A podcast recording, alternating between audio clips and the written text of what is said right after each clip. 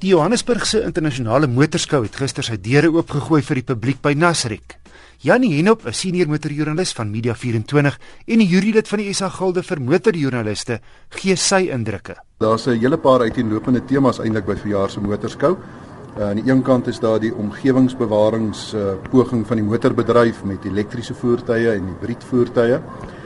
En dan het ons 'n paar wilde teervreters hierso soos Mercedes se SLS Black Series Honda wys sy nuwe NSX en eh, Lexus het sy LFI wat hy weer hier wys en dan is daar weer 'n nog 'n kategorie by en dit is die gepantserde voertuie waar redelik klem gelê word uh, by hierdie skou uh, veral van Mercedes en Audi se kant. Die hele ding met die groen voertuie is is belangrik.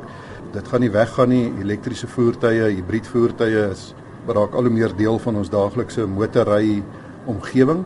Uh, ons moet dit aanvaar die groen bedryf is nie sonder sy gebreke in terme van uh lewensvatbaarheid, die pryse en so aan van van hierdie voertuie nie, maar hulle is hier om te bly en ons gaan al hoe meer van dit sien en in sommige opsigte maak dit tog sin. Dit is die begin van die pad om alternatiewe te soek vir uh die manier van motorry hoe ons gewoond is. Daar's ook 'n paar pragtige Jaguars en Land Rovers en dan amper sê vir die die gemiddelde tipe voertuie of gesinsvoertuie, die volumeverkopers wat ons meer ken.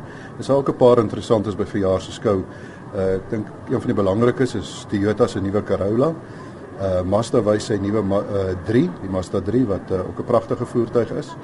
Net weer ietsie te noem van die elektriese voertuie, BMW wys sy i3 en Volkswagen het uh ook sy Up wat 'n elektriese voertuig is en daar's ook waarskynlik een of ander stadium met ten volle elektriese golf op pad. So dis 'n uiteenlopende eh, klompie temas by vanjaar se skou maar baie dinge wat die moeite werd is om te sien en te ervaar.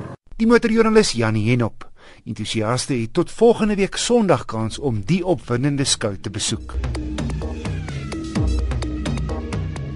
Hier's twee direkte teenstanders, albei medium grootte sagte baard 4x4s, albei petrol en outomaties en hulle kos feitelik dieselfde. Aan die een kant van die kruit, die Ford Kuga 1.6 EcoBoost Trend. Aan die ander hoek, die Subaru Forester 2.5X. Ronde 1 voorkoms. Die Kuga meer modern en opwindend gestileer en agter meer aggressief met uitlaatpyp aan elke kant. Die Forester se bakwerk meer regop en tradisioneel. Binne gaan nie ene prys wen nie. Die Ford se paneelbord meer futuristies, maar ook besigger. Maar dis die Kuga se 17 duim alloy wiele wat hom maklik die eerste ronde gee. Die Subaru het staalwiele, dis afskeep teen 360 000 rand. Tweede ronde, spasie. Albei is ruim binne, heelwat plek vir die insittendes en heelwat stoorplek en koppiehouers. Albei het dakreëlings as ou ou bagasie boop wou gooi. Teleurstellend egter is die Forester se relatiewe klein bagasiebak vir 'n gesinswa. Die bodem is hoog. Daarom 'n volgrootte spaarwiel. Daarteenoor het die Kuga net 'n dun 80 km/h noodwiel. Maar hy wen hierdie ronde net net danksy 'n diep en baie bruikbare bagasieruim. Ronde 3 toerusting. En hier is dit een rigting verkeer ten gunste van die Ford. Ek het reeds van die wiele genoem. Die Ford is egter die enigste met leersitplekke boonop. Stel die bestuurders in elektries en albei die Ford se voorste sitplekke is verhitbaar. Hier's nie minder nie as 5 stellings. En dan het die Ford vir die agterste passasiers sulke opslaan skinkborde. Albei tog beheer en klimaatbeheer, maar nie die Ford het vir die agterste passasiers ook kontroles. Die Forester het 'n 3-kamera dit het die Kuga nie, maar wel drie sensors wat jou waarsku wanneer jy naby 'n voorwerp kom. En dan het net die Ford sy spieëls wat info en bevele kan met die bestuurder se stem uitgevoer word. So wat luukse kenmerke aanbetref, wen die Kuga loshande. Maar die Subaru Palm ronde 4 in ritgehalte. Hier vaar die Kuga nie sleg nie, maar op grondpad en swak teerpaaie is die Forester koning en hy vat rond te 5 veldry.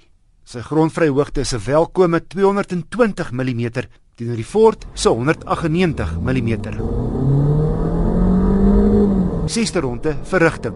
Die Ford se 1.6 turbo gee op papier effe meer krag as die Subaru se 2.54 silinder 134 teenoor 126 kW en 240 teenoor 235 Nm wringkrag. Die Kuga se krag kom egter vroeër in die toere strek en hier op die hoofveld voel hy 'n hele ent vinniger, want sy turbomasjien verloor minder krag hier in die dun lug. Boonop werk die Ford se 6-spoed outomaties vir my beter as die Subaru se paalwisselende ratkas. Die Ford wen die ronde maklik. Gelykop wat veiligheid aanbetref, albei volledig toegerus. Maar hier's 'n verrassing. Die Subaru het op die kop 9 liter per 100 km op my gekombineerde toetsroete gebruik. Op presies dieselfde roete was die Ford 'n halwe liter swaarder op die sous. Nie wat jy verwag van 'n klein CC turbo nie. Ronde 8 is die Forester sin. Alles in ag geneem egter, by die Kuga teen R365 000 beter waarde vir geld en wen die twee stryd. Maar as jy die avontuurlustige tipe is wat graag die Gramadulas invaar, is die Forester, hy's R6000 goedkoper, die logiese keuse. My veiligheidswenk die week, maak seker dat jy weet waar die skakelaar vir die noodflikkerligte sit, veral wanneer jy agter die stuur van 'n vreemde voertuig klim. Tweedens, wees te alle tye gereed om in enige noodsituasie onmiddellik die skakelaar te druk.